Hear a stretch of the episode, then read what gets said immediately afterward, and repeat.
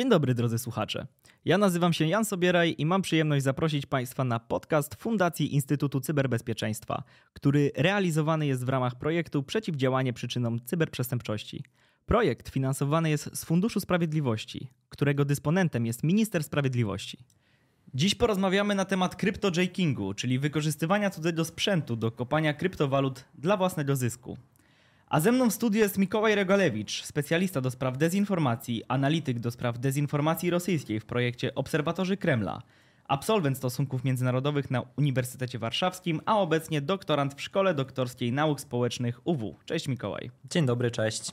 Mikołaj, tak jak powiedziałem na samym początku, dziś porozmawiamy na temat cryptojackingu, tak? czyli wykorzystywania yy, cudzego sprzętu yy, bez wiedzy osoby trzeciej do kopania kryptowalut dla własnego zysku, ale właśnie od tego chciałbym zacząć, czyli mm, myślę, że naszym słuchaczom obiło się już o uszy yy, przez, pewien, przez, ten, przez ten pewien czas, kiedy, kiedy kryptowaluty święciły swoje triumfy, właśnie hasło kryptowaluty, ale, ale na czym to polega, yy, jaka jest historia kryptowalut, czym jest w ogóle kryptowaluta, Jakie są jeszcze inne kryptowaluty poza Bitcoinem, o którym myślę, że wszyscy słyszeliśmy? Dlaczego w ogóle przyznajemy pewną wartość kryptowalutom? No i na czym polega zjawisko tak zwanego kopania kryptowalut? To może zacznijmy od tego, czym w ogóle te kryptowaluty są. Mm, kryptowaluty no to są tak naprawdę takie zdecentralizowane cyfrowe pieniądze, które są przeznaczone do wykorzystywania w internecie. I one tak naprawdę w ogóle nie istnieją w świecie fizycznym, one są całkowicie wirtualne. Mm, kryptowaluty umożliwiają przede wszystkim przesyłanie wartości przez internet bezpośrednika. E, mam tutaj na myśli na przykład bezpośrednika takiego jak bank, czy jak podmiot, który przetwarza płatności. No i one umożliwiają przesłanie tych wartości tak naprawdę 24 godziny e, na dobę, 7 dni w tygodniu przy dość niskich kosztach. Mm, tak, no, najbardziej popularną e, kryptowalutą jest oczywiście Bitcoin i sama historia rozpoczęła się od tego, że Bitcoin został wynaleziony mm, w 2008 roku, a uruchomiony w 2009 roku. Mm, była to właśnie pierwsza kryptowaluta, no i pozostaje bez żadnych wątpliwości póki co zdecydowanie największą i najbardziej wpływową e, kryptowalutą, zapewne też najbardziej znaną. Sam Bitcoin został e, wynaleziony i wprowadzony przez osobę albo grupę osób o pseudonimie e, Satoshi Nakamoto. E, to jest osoba albo grupa osób, która się właśnie pod tym pseudonimem ukrywa i tak naprawdę nie wiemy, czy to była jedna osoba, czy to była grupa osób. Natomiast pod tym, pod tym pseudonimem jest ona, czy ta, czy ta grupa po prostu znana. Bitcoin nie jest oczywiście jedyną kryptowalutą i e, ostatnia dekada to jest tak naprawdę ogromny i szybki rozwój e, kryptowalut. Drugą, zdaje się, że najpopularniejszą walutą no to jest właśnie Ethereum, e, która, która po Bitcoinie, która tak naprawdę z Bitcoinem obecnie jest cały czas jedną z najsilniejszych kryptowalut, no ale możemy wymienić też inne, tak jak Cardano, Solana, Litecoin, E, które również, e, również mają, e, mają dużą wartość. Natomiast, tak jak mówię, to są przykłady tylko kilku kryptowalut, a samych innych kryptowalut jest bardzo, bardzo dużo. Natomiast jeszcze może kilka, kilka słów o tym Bitcoinie. No to przede wszystkim Bitcoin czy kryptowaluty stały się pewną alternatywą dla pieniędzy, które są emitowane przez rządy. No i one również umożliwiają płatności tak samo jak e, popularne karty Visa czy Mastercard. Więc można przenieść sobie walutę, kryptowalutę Bitcoina do portfeli innych użytkowników, oni mogą przekazać e, ją nam, no i w ten sposób możemy sobie dokonywać, e, dokonywać płatności. Mm, I tutaj myślę, że istotne z punktu widzenia kryptowalut jest jeszcze pojęcie blockchaina, bo mm, to jest w ogóle też bardzo ważne bardzo ważny, bardzo ważny element z punktu widzenia działalności kryptowalut, ale nie tylko, bo sam blockchain może być wykorzystywany już jest i będzie w coraz większym stopniu także w innych tutaj rozwiązaniach technologicznych. Więc kilka słów o tym e, blockchainie. To sam blockchain to jest inaczej e, łańcuch, bloku, łańcuch bloków, czyli taka technologia, która służy właśnie do przechowywania i przesyłania informacji o transakcjach zawartych w internecie. I te informacje zostają ułożone właśnie w postaci następujących po sobie bloków danych. No i jeden taki blok zawiera informacje o określonej liczbie transakcji, a następnie po jego nasyceniu tworzy się kolejny blok danych i później kolejny i następny i tak dalej. I w ten, w ten sposób tworzony jest pewien rodzaj łańcucha. No i transakcje, które są zapisane w tym łańcuchu bloków są nieodwracalne. Jeżeli doszłoby do jakiejkolwiek próby zmiany jednego bloku, no to pociągałoby to za sobą zmianę następującego po nim łańcucha bloków. Więc jeżeli tutaj ktoś by chciał oszukać, zmienić czy wprowadzić jakąś nieautoryzowaną transakcję, no to węzły blockchain od razu to zweryfikują i, i odkryją.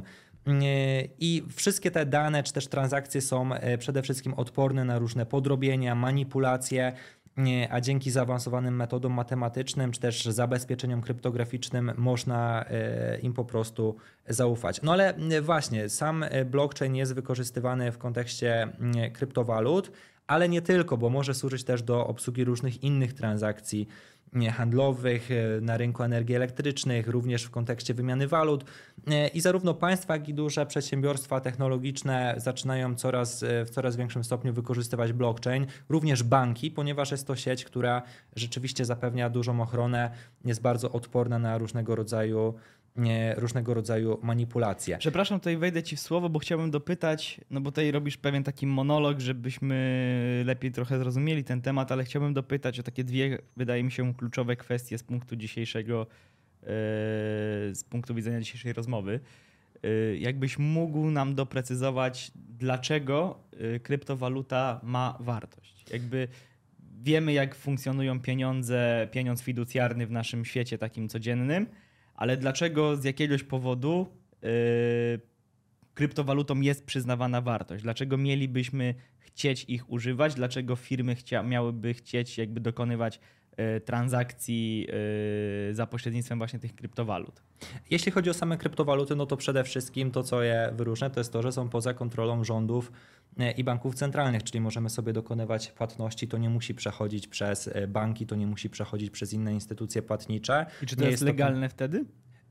Jeżeli chodzi o same regulacje, to one pewnie się będą pojawiały. Na chwilę obecną te regulacje dotyczące kryptowalut, nie, one nie powstały, nie, nie rozwinęły się w jakimś bardzo dużym stopniu, więc na chwilę obecną tutaj jest dość spora elastyczność. Natomiast no myślę, że w przyszłości, e, czym większe znaczenie kryptowaluty będą odgrywały, no to w przyszłości tego typu regulacje mogą się pojawić. Jakie będą te regulacje? Trudno jest to powiedzieć, natomiast e, sam, same kryptowaluty, no właśnie bazujące na tej sieci blockchain, dają też, też przede wszystkim bezpieczeństwo, bo ta sieć e, blockchain e, sprawia, że ciężko jest dokonać różnego rodzaju manipulacji, podrobień mm, e, czy też oszustw. Więc tak, no i mówiąc o samych kryptowalutach, wiadomo, istnieją również ryzyka, no bo one są notowane, notowane na giełdzie. No i trzymając bitcoina, on obecnie tam e, jego cena to jest w dolarach około 26 tysięcy dolarów. Były czasy, że było około 40, ale były czasy, że, jest też, e, że było też mniej, więc jeżeli trzymamy sobie kryptowaluty i cena tych kryptowalut się zmieni, na przykład takiego bitcoina albo innych kryptowalut, no to wiąże się to też dla nas z różnym ryzykiem e, właśnie tej zmiany ceny.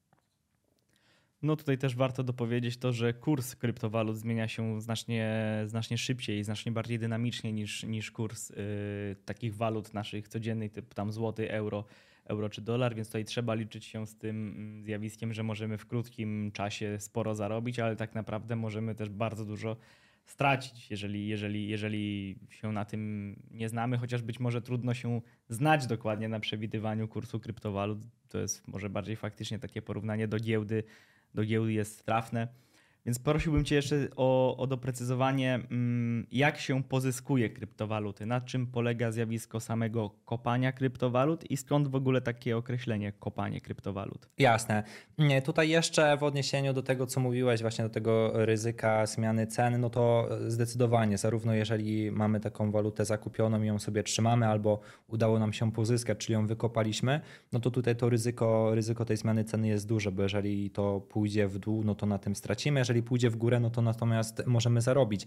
Natomiast ryzyko jeszcze większe jest oczywiście dla spekulantów, którzy na e, rynkach finansowych starają się spekulować i grają na wzrost albo na spadki cen kryptowalut, no to tutaj te, ta zmienność cen jest tak duża, że rzeczywiście można na tej spekulacji dość dużo zarobić, jeżeli uda nam się prawidłowo przewidzieć ruch kursu danej kryptowaluty, no ale można też jednocześnie bardzo dużo stracić. No ale dobrze, właśnie przejdźmy może do objaśnienia tego, czym jest to kopanie kryptowalut, bo samo to zjawisko kopania kryptowalut kluczowe jest także w kontekście głównego tematu naszej dzisiejszej rozmowy, czyli właśnie kryptojackingu. Mówiąc krótko, na czym polega to kopanie kryptowalut? No to polega ono na mm, rozwiązywaniu skomplikowanych działań matematycznych w celu zatwierdzenia nowego bloku i przyłączenia go do łańcucha i ten, kto znajdzie rozwiązanie tego problemu matematycznego, no to może wykopać daną kryptowalutę. Natomiast operacje te są dość złożone, a koparki tych kryptowalut, które działają na całym świecie, to są zaawansowane i drogie sprzęty o dużej mocy obliczeniowej, które też pobierają ogromne mm, ilości energii elektrycznej. No ale kopa, ko, y, samą koparką kryptowalut, w cudzysłowie oczywiście koparką, nazywane są komputery, zaawansowane komputery, które wykonują te skomplikowane działania matematyczne. Y, przy czym tutaj warto też podkreślić, że to może być wykonywane przez zwykły taki komputer jaki gdzieś tam sobie mamy przez laptopa czy nawet przez telefon, tylko że wydajność jest znacznie mniejsza i działając na takim zwykłym komputerze, niekoniecznie będzie to opłacalne, bo za, za ten komputer po prostu nie rozwiąże aż tak bardzo dobrze tych działań matematycznych, a jednocześnie będzie się zużywał, przy czym nie będzie z tego jakiejś wymiernej korzyści. Ale jeżeli chodzi o takie bardziej zaawansowane komputery matematyczne, no to one rzeczywiście są w stanie to, są w stanie to robić. Tylko, że tego typu komputery, no to one kosztują w granicach kilkudziesięciu czy nawet kilkuset tysięcy złotych. To są ceny od kilku tysięcy dolarów do kilkudziesięciu nawet tysięcy dolarów, więc one są bardzo drogie. Ale jeżeli e, do kopania kryptowalut, czyli no właśnie do rozwiązywania tych rozwią e, działań matematycznych, zaangażowane zostanie bardzo dużo komputerów, nawet takich zwykłych, jakie my wykorzystujemy, tylko nie 1, 2, 5 czy 10, ale bardzo dużo, to wtedy może to być skuteczne. No i to jest właśnie istota cryptojackingu, czyli wykorzystywania e, komputerów cudzych osób w dużych ilościach, czyli angażowanie wielu tych komputerów do kopania tych kryptowalut w taki sposób, aby ludzie po prostu no, nie zorientowali się, że te komputery są do tego wykorzystywane.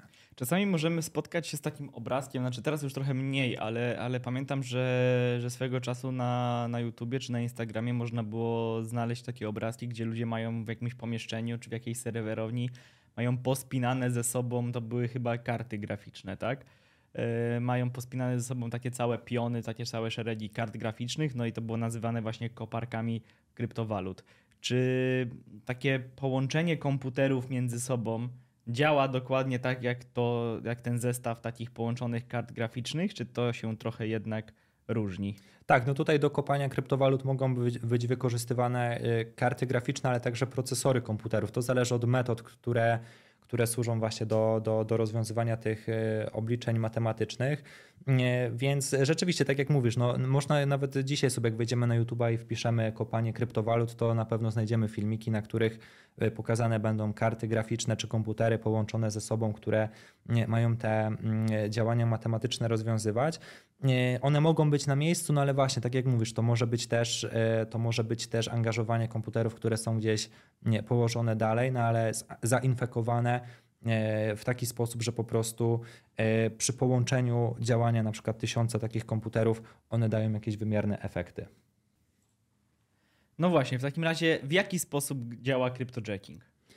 Mm, na wstępie warto podkreślić, że mm, sama istota cryptojackingu jest, cryptojackingu jest taka, żeby zainfekować komputer w taki sposób, aby to pozyskiwanie kryptowalut odbywało się bez wiedzy i zgody właścicieli zainfekowanego komputera. Ale w skrócie, sama, sam mechanizm, sama istota działania cryptojackingu opiera się właśnie na zainfekowaniu cudzego komputera i wykorzystanie jego mocy do kopania kryptowalut. Czyli e, podobnie jak w przypadku innych ataków hakerskich, tutaj też mamy do czynienia z atakiem hakerskim i ten atak hakerski ma na celu zainfekowanie cudzego komputera i wykorzystanie jego mocy do kopania kryptowalut. E, różni się to trochę od e, takich standardowych ataków hakerskich, dlatego mm, że w tym przypadku jeżeli ktoś jest ofiarą tego cryptojackingu, to przestępcom, którzy infekują ten komputer, zależy na tym, aby ta osoba się o tym nie dowiedziała żeby się o tym nie dowiedziała dlatego, no bo jeżeli by się dowiedziała, to będzie dążyła do tego, aby usunąć to, to złośliwe oprogramowanie.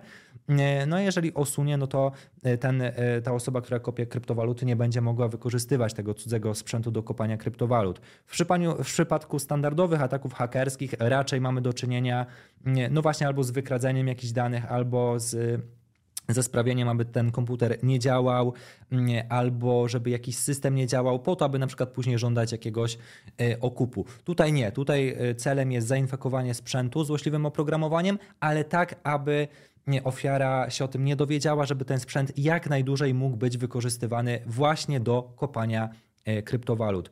Więc co jest również istotne, aby ktoś padł ofiarą cryptojackingu, no to najpierw musi dojść do zainfekowania sprzętu złośliwym oprogramowaniem. I w tym przypadku hakerzy wykorzystują e, bardzo różne metody. No, na pewno cały czas e, bardzo popularną metodą jest phishing, czyli e, metoda, która właśnie służy z jednej strony do wykradania danych, do takich bardziej standardowych ataków hakerskich, no ale z drugiej strony też może służyć do zainfekowania komputera E, po to, aby e, to oprogramowanie, które tam zostanie e, zainstalowane, kopało kryptowaluty. Więc tutaj w przypadku phishingu, no to klasycznie oszuści mogą się podszywać pod jakieś inne osoby, nakłaniać do klikania w jakieś odnośniki, do otwierania jakichś załączników, do klikania w jakieś linki, które zawierają złośliwe oprogramowanie. No i to złośliwe oprogramowanie, jeżeli zostanie zainstalowane na komputerze, no to będzie sprawi, sprawi że po prostu ten, ten komputer będzie wykorzystywany do kopania kryptowalut. E, inna metoda e, zainfekowania no to są różne linki w mediach społecznościowych, e, na forach, na grupach społecznościowych, na aplikacjach randkowych też czasami, czyli hakerzy po prostu mogą też wykorzystywać swój czas po to, aby zyskać zaufanie drugiej osoby, no i nakłonić ją do nieświadomego dołączenia do swojej tej właśnie sieci koparek e, kryptowalut e, poprzez właśnie wysłanie jakiegoś linka czy zainfekowanie jej e, komputera. Może być to też infekowanie stron internetowych złośliwymi kodami, no i po odwiedzeniu danej witryny ten kod się uruchamia, no i automatycznie infekuje urządzenie i kopie z tego urządzenia kryptowaluty. Mm, może być też, jest też taka metoda, która polega na dołączaniu koparek do innego złośliwego oprogramowania, czyli mamy jakiś e, złośliwy program na komputerze, który na przykład wykrada dane, e, ale poza tym, że wykrada dane, to jest jeszcze wykorzystywany do kopania kryptowalut, czyli taki haker tak naprawdę ma, e, może wy, wykorzystuje to oprogramowanie do dwóch celów, do wykradania danych i do kopania kryptowalut. A kopanie kryptowalut y, w miejscu pracy jakby y, wykorzystywanie takiego oprogramowania, nie wiem, przychodzimy do biura, pracujemy w jakimś biurze. Być może jest to pytanie trochę naiwne, no bo jednak yy, wiele, wiele biur dziś stosuje pewne, pewne zabezpieczenia przed tym, że nawet zupełnie niezłośliwego pendrive'a z zewnątrz nie jesteśmy w stanie podpiąć i uruchomić na komputerze, jeżeli on nie jest wprowadzony do systemu jako urządzenie, które jest rozpoznawane.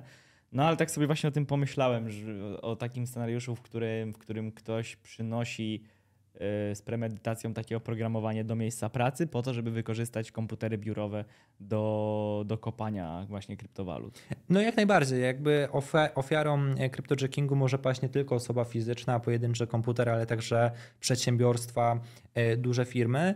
Przy czym zazwyczaj w przypadku przedsiębiorstw mamy rzeczywiście do czynienia z lepszymi zabezpieczeniami w kontekście cyberbezpieczeństwa, więc e, jest to zdecydowanie trudniejsze, ale niewątpliwie cryptojacking to jest e, przestępstwo, e, które może, może zostać wykorzystane także do do ataku na różne firmy. I może to być pracownik, który w tej firmie pracuje i, tą, i posłuży się właśnie posłuży się właśnie kryptojackingiem dla własnych celów, ale to może być też atak hakerski z zewnątrz na dane przedsiębiorstwo. To jest absolutnie, absolutnie też e, możliwe, chociaż tak jak mówię, te przedsiębiorstwa zazwyczaj mają lepsze zabezpieczenia niż taka pojedyncza osoba e, fizyczna. No i ostatni, e, ostatni sposób, no to też, o, o którym według mnie warto wspomnieć w kontekście właśnie mm, tego, w jaki sposób oszuści infekują sprzęty, komputery, to jest posługiwanie się fałszywymi aplikacjami i tutaj hakerzy mogą oferować jakieś bezpłatne programy,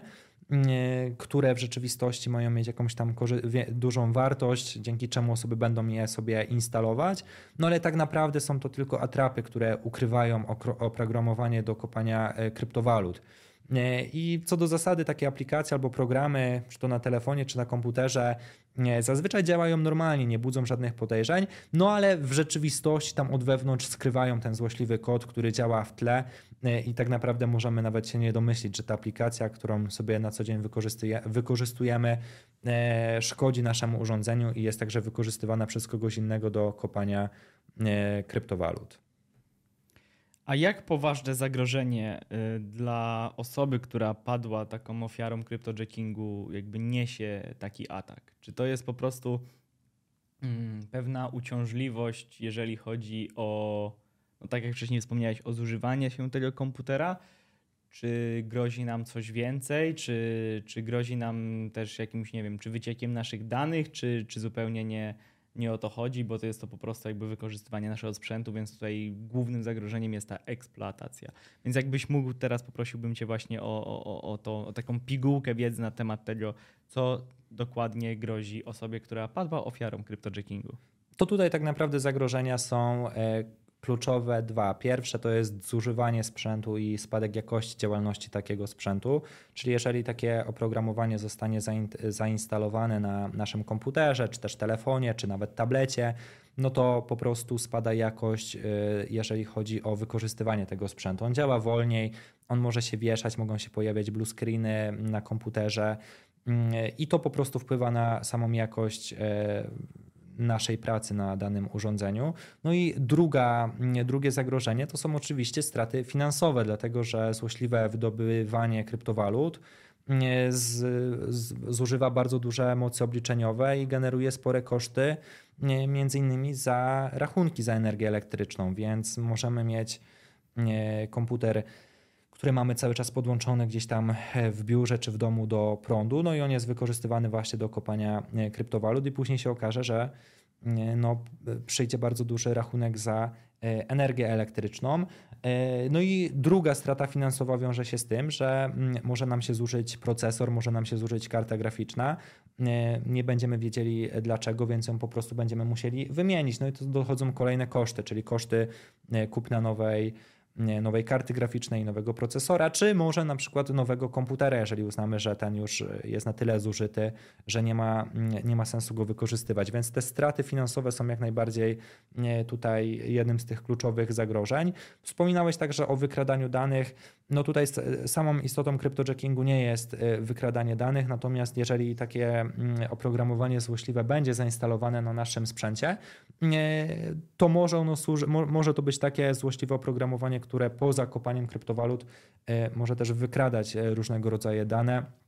Więc to, to też jakieś tam zagrożenie jest, choć nie jest to zagrożenie, które jest istotą samego kryptojackingu. No i tutaj.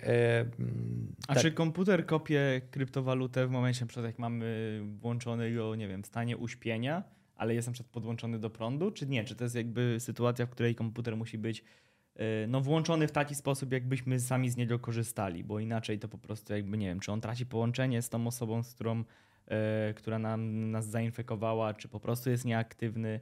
Y, no bo próbuję zrozumieć, skąd się bierze aż tak duży przełożenie na, na, na, na, na, ten, na tą wysokość rachunku za, za, za, za elektryczność, ponieważ no jak wysokie to muszą być obroty pracowania tego, pracy tego komputera, żeby aż miał takie przełożenie właśnie na, na ceny, jakie płacimy. Dlatego stąd to pytanie, czy, czy on też jakby komputer wykonuje jakąś pracę w momencie, w którym na przykład, nie wiem, laptop jest zamknięty, no ale jest uśpiony. Tak jak go otworzymy, no to, no to, to nie musimy go włączać od nowa, tylko jakby wchodzimy od razu do pulpitu. W przypadku uśpienia nie wiem, jak to jest. Na pewno ten komputer musi być włączony, czyli jak mamy ten komputer, który jest całkowicie e, wyłączony, to wydaje mi się, że wtedy on nie będzie, on po prostu nie, nie, nie może być wykorzystany do tego kopania kryptowaluty. Jeżeli jest uśpiony, to nie wiem. Natomiast te moce, które są zużywane w przypadku kopania kryptowalut, one są dość duże i można, to można sobie sprawdzić, ile tak naprawdę Mm, tej e, mocy do wykopania na przykład jednej kryptowaluty jest potrzebna, a potem sobie to pomnożyć przez ceny mm, energii elektrycznej.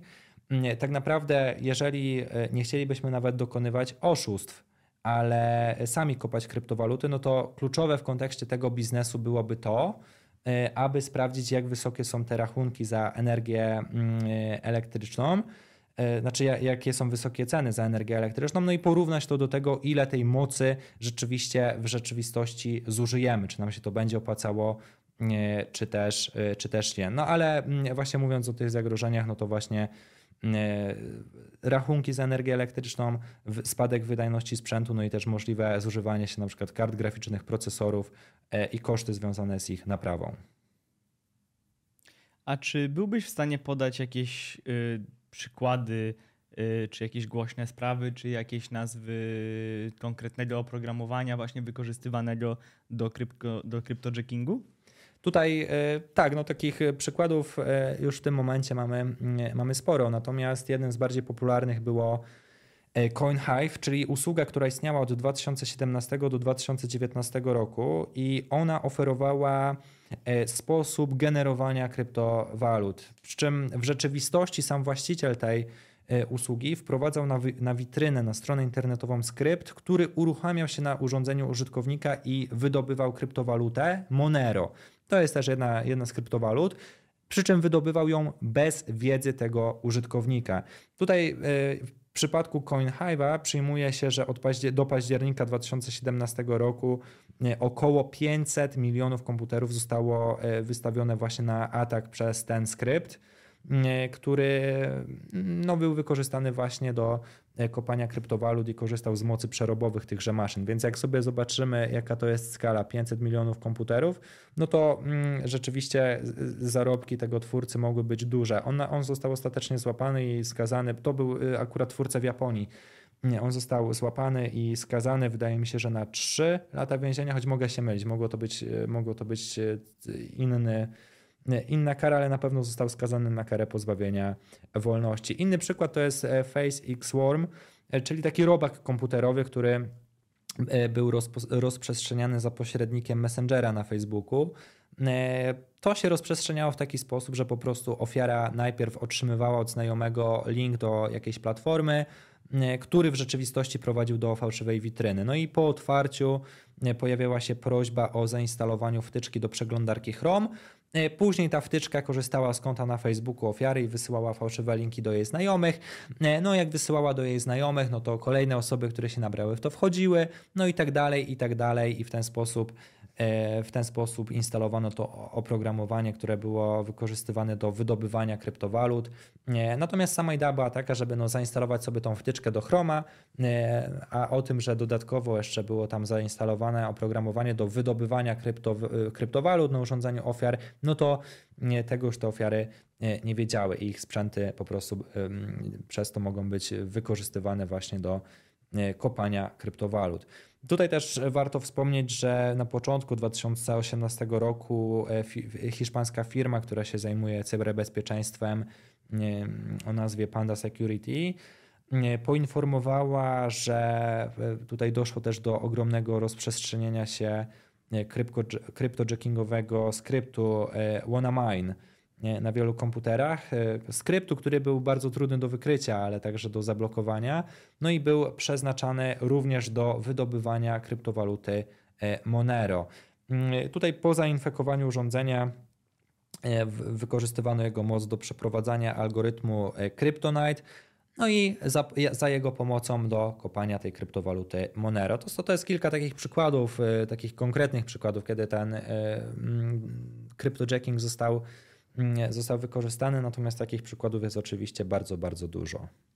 Tutaj jeszcze w trakcie Twojej wypowiedzi ja sobie rzuciłem okiem na, mm, z boku, żeby znaleźć jakieś dane statystyczne dotyczące e, średniego kosztu utrzymywania takiej, takiej koparki kryptowalut. No i tutaj, tutaj Google sugeruje, że e, średni koszt pracującej przez 365 dni, tak, czyli, czyli przez cały rok koparki kryptowalut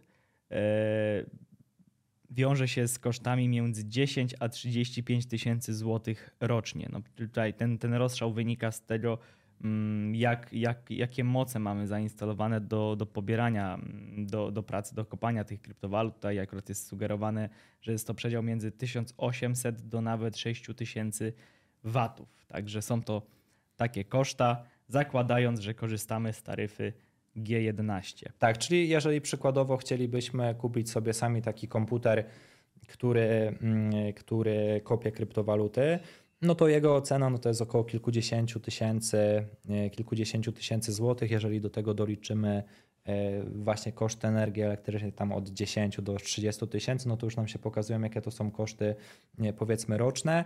Jeżeli no mamy jeden taki komputer, no to jeden taki komputer, nie wiem, w niecały rok będzie w stanie wykopać bitcoina.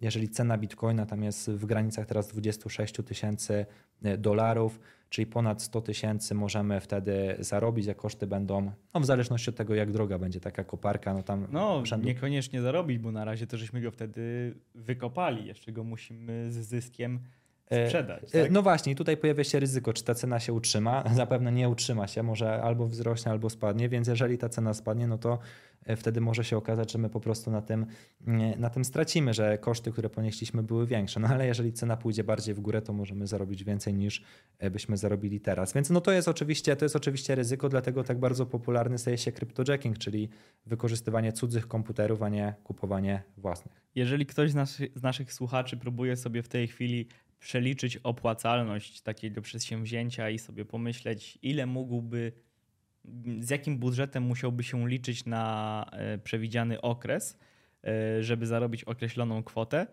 to od razu jest spieszę z wyjaśnieniem. E, z każdym wykopanym bitcoinem kolejny bitcoin kopie się ciężej, kopie się trudniej i kopie się dłużej. Wynika to po prostu z, tego, z tej liczby kombinacji, którą, którą te komputery muszą przetworzyć. No i w taki sposób mm, szacuje się, że, że, że, że pierwsze 90% jakby całej puli bitcoinów, jeśli mnie pamięć nie myli, to pula bitcoina wynosi 21 e, milionów, miliardów? Milionów. Okej, okay, właśnie, milionów. Czyli e, pierwsze 90% zostało wydobyte tam w ciągu tych 12 lat, odkąd, odkąd ten proceder ruszył ale no każdy, każdy kolejny będzie kopany coraz trudniej. Zresztą coraz więcej osób też się y, tym zajmowało, bo już niekoniecznie zajmuje, bo słyszałem też, że są jakieś odpływy już trochę też z tego rynku. No ale mniejsza o to. Szacuje się, że ostatni bitcoin zostanie wykopany dopiero w okolicach 2140 roku.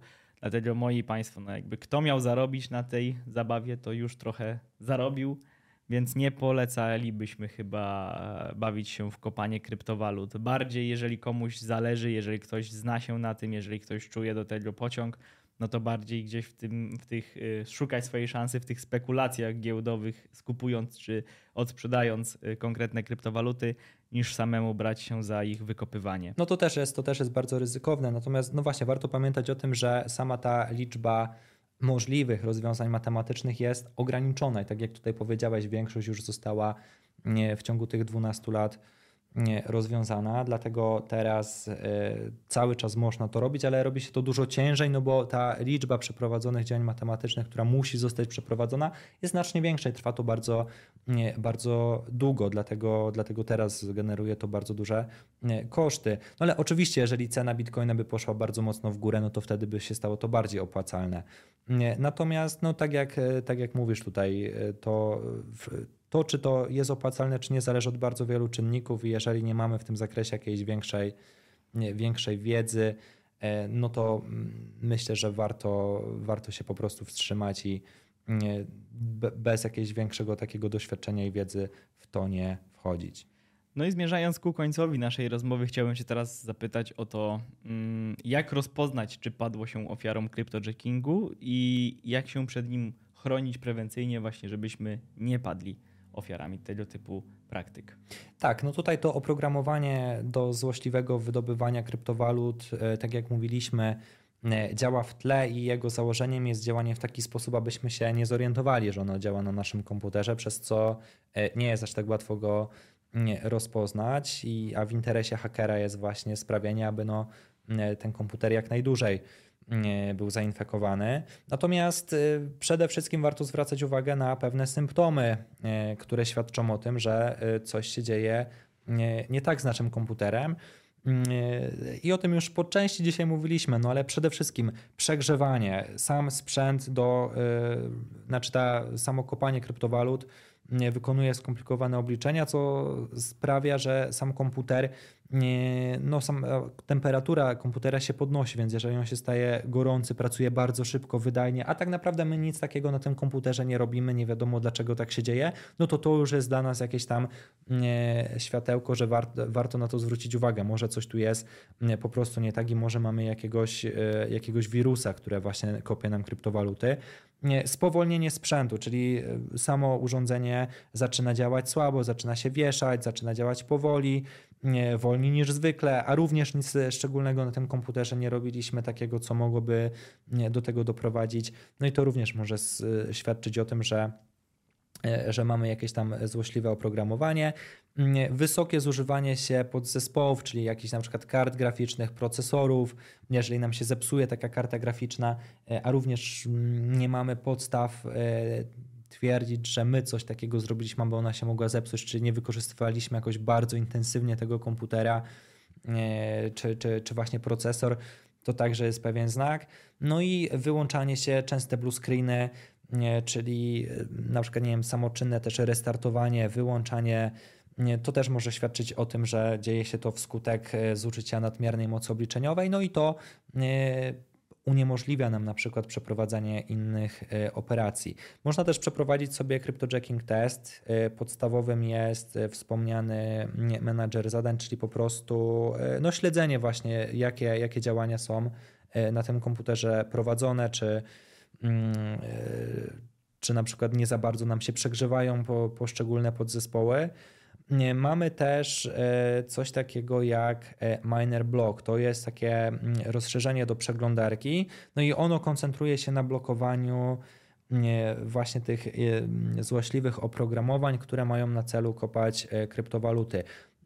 To, co jest kluczowe, no to oczywiście bardzo dobre oprogramowanie antywirusowe takie, które będzie w stanie wyłapać nam to, że możemy być po prostu zainfekowani tym oprogramowaniem do krypto, cryptojackingu. Natomiast e, jeśli chodzi o usunięcie takiej koparki bitcoinów, to te, to niestety bywa trudne.